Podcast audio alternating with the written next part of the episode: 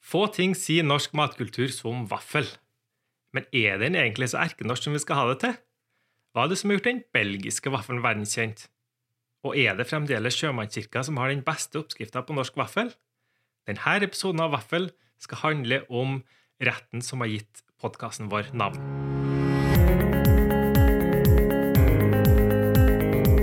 Hei, jeg heter May-Britt, og jeg sitter her på kjøkkenet mitt i Oslo. Og jeg heter Vidar. Jeg sitter på mitt kjøkken i Istanbul.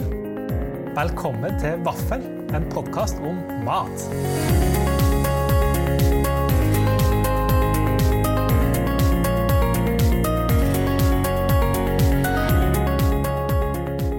Hei, May-Britt.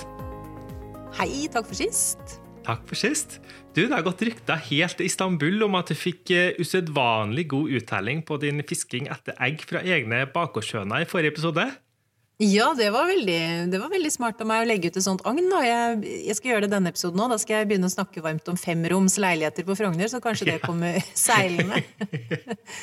ja, du, det var Ellen, en eh, kollega jeg hadde mens jeg jobbet i reklamebyrået Kitchen, og hun har egne høner. Hagehøner på Ullern. Så hun kom på scooteren sin en morgen, hun hadde hørt på oss da, og skjønte at jeg følte meg naken uten egg, så hun ville kle meg. Kom på scooteren sin og hadde med seg en sekspakk med egg. En helt nydelig kartong med seks egg i ulik størrelse og også med ulik farge. Blå egg, brune, små og hvite. Så tusen takk til Ellen. De eggene smakte helt nydelig. Hva lagde du med de eggene? Ja, siden det var så flotte egg, så ville jeg bare spise dem sånn som de var. Så jeg hadde noe av det beste jeg vet med egg, som er eh, kokt. Eh, smilende egg med salt og en brødskive ved siden av med godt smør på. Ikke noe mer mikk makken, egentlig. Det blir ikke så mye bedre enn det. Men du lagde ikke vafler med eggene, da? Nei, jeg gjorde ikke det. Jeg bare ville ha dem i så ren form som mulig når det var så eksklusiv råvare. Men du hadde kanskje lagd vafler av dem. Hva, hva, er, hva er, greia med vafler, Vidar? Hva er ditt første minne med det, f.eks.? Jeg vet ikke om jeg har et eh, konkret minne, men jeg har et eh, veldig tydelig bilde i hodet mitt som har brent seg fast, der jeg står som eh, ganske liten i kjøkkenkroken og pisker vaffelrøret. Fordi jeg fikk jo veldig tidlig ansvar for å lage vafler i familien vår. Mamma var av den typen som var veldig opptatt av det. Selv om jeg var gutt, så skulle jeg ikke slippe unna å hjelpe til i hjemmet. Så det å lage mat for eksempel, var noe jeg lærte meg ganske tidlig. Bra, mamma. Ja, Og vaffelrøre sammen med pannekakerøret det var nok nummer to etter å koke potet. Så det var nok òg kanskje det første jeg lærte meg å lage, da, der jeg lagde ting på gefühlen. Så utgangspunktet til oss var jo alltid tre egg. Og så mm. fulgt på en måte resten på ja, gefühlen, da, som jeg sier. Mm. Men hvordan kunne du vite om det var nok av mel og melk og sukker? Da? Ja, du blir jo kjent med røret etter hvert, da, så er det jo viktig å smake det underveis, selvfølgelig. Stikk fingeren nedi og, og smak på. Både kjenn på oh. konsistensen og smaken, selvfølgelig. Og Det må jeg jo innrømme at det er jo en ting som eh, ikke har forandra seg særlig siden. da. Det er jo en veldig fin ting å ha med seg. Det vet vi jo. Det er jo viktig å smake og kjenne på maten underveis for å få, for å få rette resultat. Men jeg uh, skal kanskje innrømme det at jeg er jo veldig glad i den røra. Jeg syns den er nesten enda bedre enn vaffel. Litt sånn som ja. kakerøre. Så jeg, jeg dypper nok fingeren i noen flere ganger enn jeg burde. da. Men uh, men det, det, får bare stå til. Det tenker jeg det er lov når man eh, faktisk tar seg jobben med å lage vaffelrøre. da. Ja, kanskje det er det nye nå, blir en sånn ny greie på de hippeste, kuleste New Nordic. At uh, du ikke får en stekt vaffel engang, du får bare en utrolig god vaffelrøre ja, i, i, en det. liten shot. Der har du en sånn vinner, tror jeg. Kardemommedryss. Ja, jeg tror det. Mm. Hva med deg da, May-Britt? Hva er dine beste vaffelminner? De går nok opp til Skjåk, ikke så langt unna Trøndelag som Oslo er. Så eh, moren min er jo fra gård. Og bestemoren og bestefaren min drev og bodde på den gården. Så da var det bestemor som lagde vafler. Og hun, hennes vafler var jo ikke de der tykke med kardemomme. Det var eh, veldig lite sukker i hennes røre. Det var én spiseskje på liksom 200 gram mel og tre egg. Mm. Så hun ehm, Der var det en dødssynd hvis vaflene ble tunge og myke. Var, da var det mislykka. Vaflene til bestemor i Skjåk, og til moren min også, da, selvfølgelig, som har tatt med oppskriften videre, de vaflene, der er den ideelle vaffelen, er sprø og saftig. Um, Sånn at du, du, Det er nesten bare kremfløte Det er bare kremfløte når jeg tenker meg om. Det er ikke noe melk i, de, i den vaffelrøra. Kremfløte, mel og egg og bitte litt uh, sukker, liksom. Men er det, de, er det de fete produktene som gjør at vaffelen blir så sprø og får den konsistensen òg, da, eller? Ja, det er det nok. Og at du visper den røra veldig godt, så du får inn mye luft i røra. Mm. Jeg lurer på om bestemoren min brukte miksmaster når hun lagde røra. Lage eggedosis først, eller? Det husker jeg ikke. Det, eller det kan jeg si, det vet jeg faktisk ikke, men det vil jeg tro. Og så stekt i jern med mye smør, og så avkjørt på rist hver for seg, og ikke i tårn. For hvis de ligger i tårn, så blir de jo selvfølgelig mye mm. tyngre. Men jeg må jo si jeg er Moren min kan ikke fordra tykke, tunge kardemommevafler. Da sier hun rett og slett æsj, det der er ikke vafler. Um, de der deigklumpene der. Men uh, jeg liker det hvis jeg har gått en lang tur i marka og kommer til en av stuene i Oslomarka og får en sånn en sånn tykk og god vaffel med brunost, så er jeg kjempehappy. Jeg syns det er deilig. Erkenorsk, liksom. Jeg har jo vokst opp med den forestillinga om at vaffelen er erkenorsk, rett og slett, som du sier. Altså at den er, den er, veldig mye i vår matkultur, og en viktig del av vår, vår matkultur. Og det var jo egentlig først jeg flytta til England at jeg oppdaga ordentlig at vaffelen er jo veldig viktig i veldig mange matkulturer rundt omkring. Men hvordan de, er det i Tyrkia, da? Jo, i Tyrkia har vi jo òg vafler. Faktisk litt sånn morsomt. fordi da jeg flytta hit, så eh, av en eller annen grunn Jeg vet ikke hvorfor det ble sånn, men eh, vaffeljernet ble ikke med til Tyrkia. Så da jeg kom på det, da, så var jo mitt første ønske da mamma og pappa skulle komme på besøk til Istanbul første gangen, at eh, et vaffeljern det var kanskje en veldig fin sånn flyttegave. Så eh, da fikk jeg jo det å kunne begynne å lage vafler, for det liker jeg å lage av og til. Det liker jo samboeren min òg. Men det jeg mm. fant ut etter hvert, da når jeg bodde her, at uh, tyrkerne har jo vafler, dem òg. Og de lager den akkurat sånn som oss. Altså, den er vaffelhjerter, og den er samme konsistens, mer eller mindre samme smak òg. Altså, jeg tror det er det landet i verden jeg har spist vaffel som det ligner mest på den norske vafla. Ah, um, men hva har de på vaffelen, da? Ja, det er litt annerledes, da. Så de, eh, du, altså jeg tror ikke det er så veldig mange som lager det hjem. da. Du får jo kjøpt vaffeljern her òg, har jeg funnet ut nå. Eh, men jeg tror ikke det er så veldig mange som lager vaffel hjemme. Men eh, når du kjøper det ute, så er det mer sånn type Ligner mer på en iskrembar, da, kan du si. Ikke sant? Ja. At det står sånn toppinger og sånne ting på display. Og så får du en vaffel som de da har på masse sånn, Det kan jo være veldig søta nøttesmør. De har jo mm, andre sånne godt. søte ting Ja, så har de sånne søte ting kunne vet hva det er, i, i diverse farger som du kanskje ikke forbinder med mat òg, da.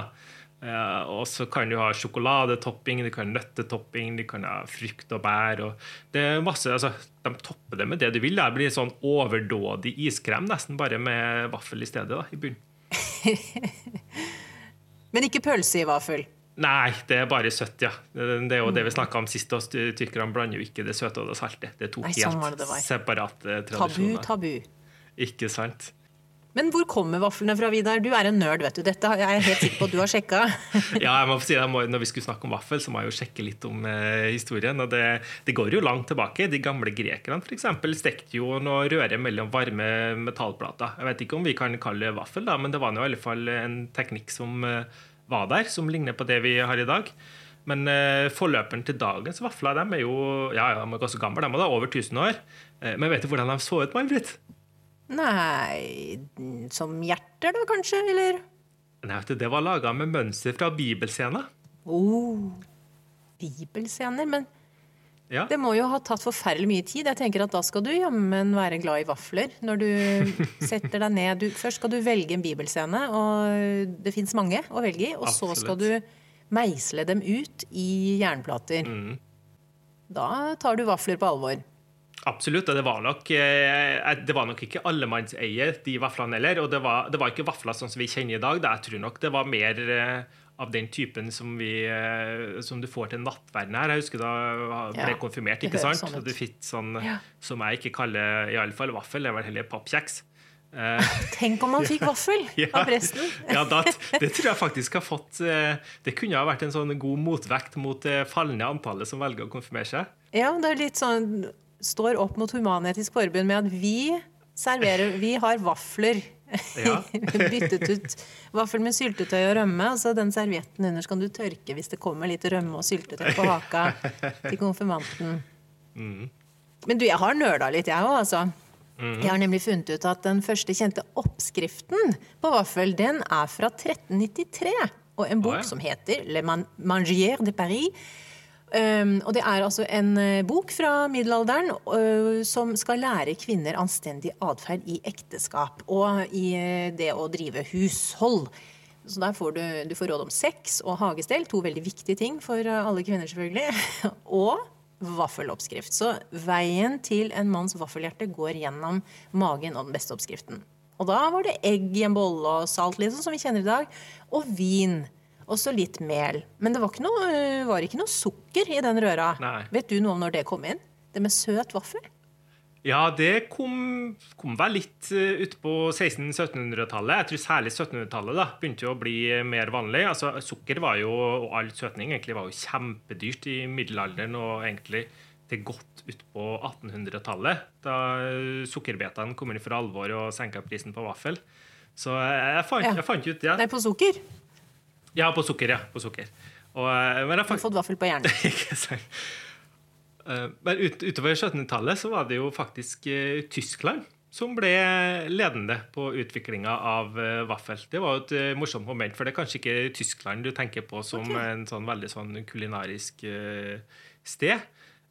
så de introduserte en del ting som har blitt hengende ved vaflene, og, og, kanskje noen ting som ikke har blitt hengende ved. Så de uh, laga bl.a., hold deg fast, kaffevafler de eh, laga vaffel der de brukte gjær fra ølproduksjon. Eh, og så begynte de da med en del krydder som vi kanskje kjenner godt igjen fra Skandinavia, som eh, kardemomme, muskatnøtt. Og selvfølgelig da veldig mhm. mange søte varianter. Så ja. her var det veldig mye variasjoner begynte å komme inn, og det var egentlig da fra tyskerne hadde utvikla en del av det der, så begynte det å ta av mm. i ganske mange land rundt omkring, og du fikk de nasjonale eh, variantene. Ja. Belgisk vaffel eksempel, er jo kanskje den som er, man ser mest over hele verden. Mm. Og det er jo en litt morsom historie, fordi eh, de har jo også vært med fra starten av. altså De er jo naboland til Tyskland og Frankrike, som du snakka om. ikke sant? Så det, de har nok vært med helt fra starten av, dem òg. Men eh, så vidt jeg kunne finne ut, da, så var det først i 1964 at den belgiske vaffelen kom på verdensscenen. Og eh, det skjedde jo da selvfølgelig i Amerika. Ja, klart det. det. Kan jeg gjette at det hadde noe med noe reklame eller noe markedsføring å gjøre? Det er litt den tiden. Man begynte å skjønne at mat kunne markedsføre ulike nasjoner og destinasjoner å reise til. Flytrafikken økte. Kan, kan det være noe sånn? Det var nok i alle fall indirekte litt sånn at det var i alle fall en del markedsføringstenkning. fordi ble, Det var en belgisk gründer som tok mm. med seg belgisk vaffel til New York World Fair i 1964. Ja, nettopp. Og introduserte noe han kalte for belgiumvafler. Mm. Da fikk det sitt virkelige gjennombrudd uh, utenfor Belgia. Jeg tipper han var veldig god til å markedsføre det, han som tok med seg de vaflene. Jeg ser for meg litt Mad Men-mann i dress som har fløyet over med Pan Am, uh -huh. ikke sant? Og de belgiske vaflene på notatblokka. Mm. Jeg tenker på den eh, mest moderne vaffelen, ja, da, når jeg tenker på belgisk vaffel, som er bubble waffle. Det har du sikkert sett og hørt om, Vidar. Det er det som var på Instagram. Veldig en uh, vending med sånn masse stæsj på. Veldig mye. Og det er en typisk vaffel av vår tid. Den uh, kommer egentlig fra Hongkong, oppsto på 50-tallet da forretninger som hadde knuste egg og ikke fikk solgt de knuste eggene, ville gjøre noe med innholdet, og så lagde de en røre. Dette er bare én av mange teorier da, på hvor den oppsto. Så lagde de en røre og, som de helte i, i noen jern som kan minne om munkejern, eller sånne jern man bruker til å steke danske epleskiver. Eh, mm. Og så mhm. stekte de da over eh, kull. Sånn at de opprinnelige bubble waffles de hadde faktisk litt grann en sånn røyksmak, de. Oh, ja. Ja, og så var de stekt på veldig høy varme, eh, sånn at de raskt fikk en eh, sprø hinne og en litt mm. luftigere, myk kjerne. Mm. Mens de nye, moderne bubble waffles de er jo massive. Jeg har smakt, jeg er ikke sånn kjempebegeistret. Jeg synes De er litt vulgære. Jeg syns det ser ut som massasjemadrasser med sånne knudrer som du kan liksom rulle ryggen din på. Som er bretta rundt helt enorme mengder da, med iskrem og toppinger. Jeg syns det hørtes bedre ut nesten det du nevnt som den opprinnelige varianten, med litt sånn røyksmak. Det blir litt sånn turfølelse nesten ikke sant? At du får bli med på Ja. påskefjellet eller et eller annet sånt. Ja, og, og en streetfood. Helt Ja. klart opprinnelig en streetfood, og noe du sikkert fikk med deg på farten, som gikk raskt å steke med disse to hullete jernene da, over glødende kull eller flammer. Den bubble waffle som vi har sett på Instagram, den uh, oppsto jo i London. Der er den liksom blitt eh, vulgarisert da, og solgt videre. Eh, men der har du bodd, Vidar, og sikkert spist eh, vaffel på Sjømannskirka. Det har til og med jeg gjort en gang. Hva syns du om den? Er det verdens beste vaffel? Sjømannskirka sin? Altså det å få ting som er så godt som å få norsk vaffel når du er i utlandet. ikke sant? Det, eh, Men her tenk litt på det, da, det må jeg få si, fordi eh, altså Den var jo veldig god, den vaffelen der. og eh, Det vel Sjømannskirka i New York tror jeg, som på en måte er blitt kåra til å ha den beste vaffeloppskrifta. Men eh, det setter jo i gang noen tanker hos meg. Jeg lurer jo egentlig litt på om, eh, på om det handler ikke bare om vafler, som sagt den er veldig god den òg, men eh, kanskje det handler litt om den, eh, det jeg tenker på som den sjette smaken her. altså Det som handler om nostalgi og minner. Fordi når du spiser mat, så er det jo ikke bare ikke sant, Du har jo de fem store smakene. eh, søtt, salt, surt, bittert og umami. Men eh, jeg vil også da legge til, for å si det sånn, det, det som har med nostalgi i minner. Fordi det bringer frem følelser og smaker, rett og slett. Også. Jeg vil påstå det, altså. Så eh, jeg lurer på om det kanskje handler litt om det òg, særlig når det er i utlandet. At det gir deg en følelse av hjemme og bringer tilbake de minnene som du savner. da. Ja, Minnebanken sitter jo i hodet, og munnen og ganen og tungen er jo en del av det hodet. Det er kort vei, tenker jeg, fra det som kommer inn i munnen, og eh, veien inn da i den minnebanken. Men May-Britt, du har spist en del mer fancy vafler, du? Har du ikke det? Ja, det har jeg, og det mm, det høres jeg kanskje ut som en snobb som snakker stygt om de bubble wafflene, og så skal jeg begynne å snakke om Michelin-stjernevafler i stedet. Det, jeg mener ikke det, altså. Men øhm, jeg er veldig stor fan av litt annen type vaffel, og jeg er veldig stor fan av salte toppinger. Jeg syns jo en, et enkelt vaffelhjerte med rømme og løyrom f.eks., og litt grann finhakket rødløk, er en av de beste forrettene eller appetizerne jeg kan få, sammen med et glass champagne f.eks. Og så har jeg eh, vært dommer i Gladmatjuryen under Gladmatfestivalen i Stavanger et par år. Og det ene året så var det en vaffel som vant, og det var Kristoffer Davidsen. Det er eh, kjøkkensjefen på Britannia i Trondheim, og den har jo fått Michelin-stjerne. Da lagde han en sprøstekt potetvaffel og imellom, med to lag, da. Og imellom der så hadde han en, eh, en litt sånn frisk, deilig kveiteremulade med pepperrot og akasje. Og det var altså så godt. Og den vant. Over gudene vet hvor mange hundre retter vi smakte på.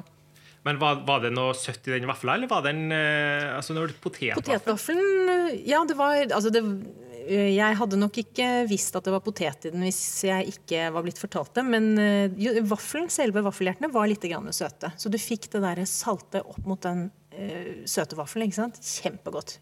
Stikk i strid med tyrkiske tradisjoner, men Ja. veldig i min tradisjon.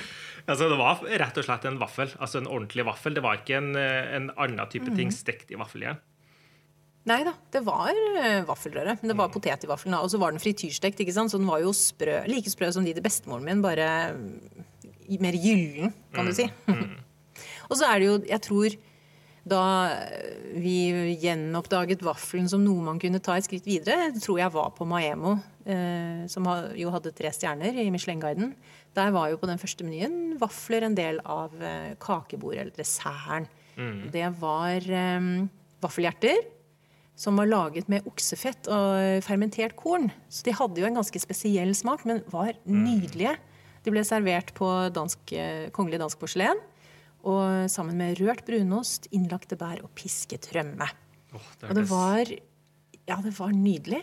Og så var det igjen den sj- sjette smaken, som du kalte det, med minner. Fordi en bit av de vaflene, det var som å være inne på et sånt bestemorkjøkken, hvor det både var blitt kokt oksekraft hver eneste uke, mm. og stekt vafler hver søndag. Ja, nettopp.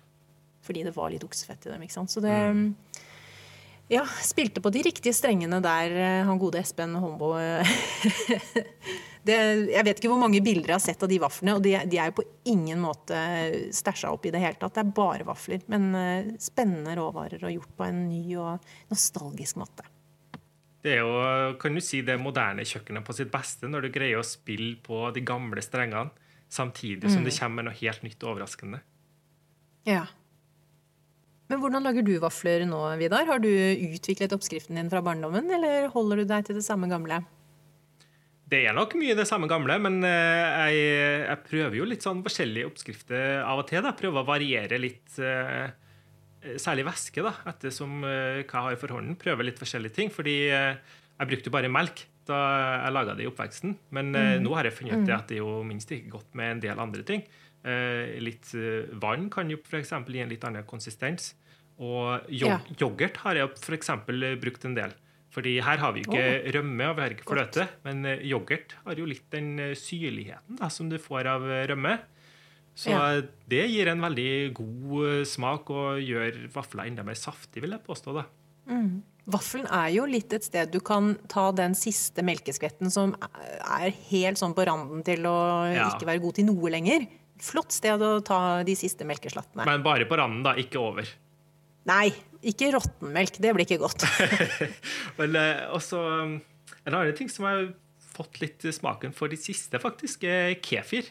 Fordi eh, ja. vi har jo, som snakka om tidligere, da, begynt å handle en del mer på nett nå i de her eh, koronatider. Og da prøvde de litt sånn, ikke sant, kommer det sånn forslag nedi hjørnet. Ja, men har du ikke prøvd denne varen, skal vi legge den i handlekurva di? Og da dukka det opp kefir. Jeg tenkte ja, kanskje jeg skal prøve kefir. Kanskje jeg skal lage, De egentlig tenkte jeg skulle lage lapper. ikke sant? Litt sveler. Mm. Mm. Da trenger de jo eh, surmelk eller kefir. Eh, men det er jo òg mm. veldig godt i vafler. Ja, men det tror jeg er en del av den, den fra Sjømannskirken. tror jeg har, Er det kulturmelk eller kefir eller buttermilk eller har en sånn ja melketype oppi en syrna melk. Jeg tror det er kulturmelk. Men eh, jeg må jo ja. få si det. Jeg har prøvd flere forskjellige ting. At uh, det der er jo egentlig veldig utbyttbart. Det blir ikke så veldig stor forskjell om du bruker Neida. kulturmelk eller kefir, eller om du bruker vanlig melk og litt yoghurt, f.eks. Tykkmelk er kanskje godt i. Eller tjukkmjølk er kanskje et litt uh, riktigere ja. ord. Tjukkmelk. Tjukkmjølk. Mm. Men jeg må få si det på på melet, da, der er jeg ganske konservativ. Jeg, jeg bruker bare hvetemel. Jeg ser jo det. Det er jo veldig mange nå som bruker å lage vafler av alle forskjellige typer varianter. Fra Kino-vafler og Kia-vafler og grove vafler. Havrevafler har jeg kanskje bevega meg litt ut på bitte litt havregryn, men eh, der må jeg si, jeg er ikke så begeistra for de der nymotens eh, variantene av det der. Alskens skabeloner i moderne drakt. Ja, Lager du noe av det, eller? Ja, jeg har, jeg har en liksom matpakkevariant på bloggen min som er med spinat i røra. Ja. Eh, fordi da tenker jeg da er det Jeg er veldig glad i spinat. Jeg kan putte spinat i alt, jeg, fordi jeg mm. syns det er så godt. Eh, mm. Men det er jo igjen en sånn saltvariant. Jeg har spinat i røra, så gir det litt kul farge. Mm. Eh, og så servert da med røkelaks og dillkrem, faktisk. Ja, jeg, jeg, lurer på om jeg har noen med litt havre oppi, men nja de blir lett litt sånn derre Sånn seige og tunge og kompakte, syns jeg. Når man ikke holder seg bare til hvetemel. Mm. Jeg spiser ikke vafler. Vafler er ikke det jeg skal overleve på. Så da tenker jeg at de gangene jeg spiser det, så gjør det ingenting om det er kremfløte og hvetemel og meierismør, liksom. Jeg tror det er akkurat det samme for meg. så jeg tror nok også, eh, For å gå tilbake til den sjette smaken da, Jeg tror nok eh, vafler er noe jeg lager når jeg er på jakt etter den sjette smaken. ikke sant? Jeg vil, eh, ja. jeg vil tilbake til Norge, så da må jeg gjøre det på en uh, ordentlig måte. Og det er, jo, mm. det er, jo, så mange andre måter du kan bruke de andre tingene da, som mange har i vafler, syns jeg, da, som er, som er enda bedre. Hva har du oppå vaflene dine, helst? Du, aller helst eh, Nå er jeg jo tom, da, så nå vil jeg helst ikke tenke så mye på det. Men eh, brunost, selvfølgelig. Ja, jeg tror ikke det er noe som slår en nybakt vaffel med brunost. Men nå eh, har jeg ikke fått reist til Norge på en stund, så nå er det tomt på eh, lageret mitt. Så da er jeg jo glad i og forskjellige typer gulost. da. Det jeg fant ut faktisk ja. eh, faktisk en blanding av Eller altså å ha fetaost og tomat. Oh, ja. Det passer faktisk godt, veldig sikkert. godt. Ja, ja, ja, For da får du en litt sånn salt syrlig motsats til, til, den litt sånn halvsøte vafla. Jeg lager ikke veldig søte vafler, mm. det er litt sukker i. Men uh, sånn som bestemora di, jeg tror ikke jeg har så veldig mye mer sukker i enn uh, hun hadde i det du fortalte om mm. oppskrifta hennes. Så da passer det jo Jeg syns det passer veldig godt uh, til. Og så er det jo en ting som jeg har med meg fra barndommen. da. Ikke sant? Når du lager vafler, så får du ofte nok til at det blir rester dagen etterpå. Og da Altså, daggamle vafler er jo litt trist. Du kan ikke, jeg synes ikke det, Da kan du ikke ha brunost eller gulost eller noe sånne ting på. Litt stive og krøllete. Ja, Men det som går an da, det er Nugatti. Ja, Ja. for Smører du nok Nugatti på ting, Ja. så blir det veldig medgjørlig. Ikke sant? Og, og nå har jeg gått over til min egen hjemmelagde variant, da, så jeg har litt sånn bedre samvittighet. Ja, du er så da så det mer, eh, Ja. så nå, nå må man jo ha igjen når man har mat som jobb. Så må man ha igjen Ja. litt for det. Så da jeg tenker, jeg prøver å lure meg sjøl litt. da. Jeg tenker at det er ikke så usunt når det er mer hasselnøtter i det. Men eh, Nå tenkte jeg kanskje, lurer på om det ville vært godt med peanøttsmør og syltetøy. Hva tror du om det? det tror jeg hadde blitt veldig, veldig godt. Ja, Ja. skal jeg jammen prøve. Mm. Du, jeg har eh, en bok som jeg fikk lyst til å bare anbefale helt på slutten av eh, dagens episode. ja. Um, for da jeg sk skulle tenke gjennom dette med vafler, så husket jeg selvfølgelig Kristoffer Davidsen, Davidsen sin. Mhm. Og så kom jeg på boka hans hvor den kveiteremuladen uh, finnes. Og det er hans første bok, uh, 'Mat hjemmefra'. I den boka så har han samlet eh, oppskrifter som har betydd noe for ham i oppveksten. Han eh, bodde jo i fosterhjem, så han har bodd veldig mange steder. Og spist eh, alt fra veldig gode hjemmelagde måltider til mer sånn institusjonspreget, eh, kjedelig og trist mat. Så har han tatt alle rettene eh, fra oppveksten som han husket godt, og som gir ham minner, og liksom pimpet dem opp litt og modernisert dem. Kjempespennende. Og det er jo helt apropos den sjette smaken som du snakket om. Minner og nostalgi. Og der er den kveiteremuladen som han hadde i den sprøstekte potetvaffelen. Så den vil jeg bare anbefale helt på slutten her, jeg. Kristoffer Ja. Davidsen sin mat eh, hjemmefra. Men det hørtes ut som en veldig spennende bok. Da sier jeg med det, Vidar, takk for i dag. Takk for i dag. Så håper jeg det blir noe vafler på deg eh, kanskje i kveld. Søndagsvaffel. Ja, du, Det kan eh, være fare for det når vi har snakka om vaffel i en halvtime. så... Ja, det er mulig. Jeg børster støv av mitt vaffeljern også. Men da snakkes vi, da. Om ei uke. Det gjør vi, Vidar. Ha det bra. Ha det bra.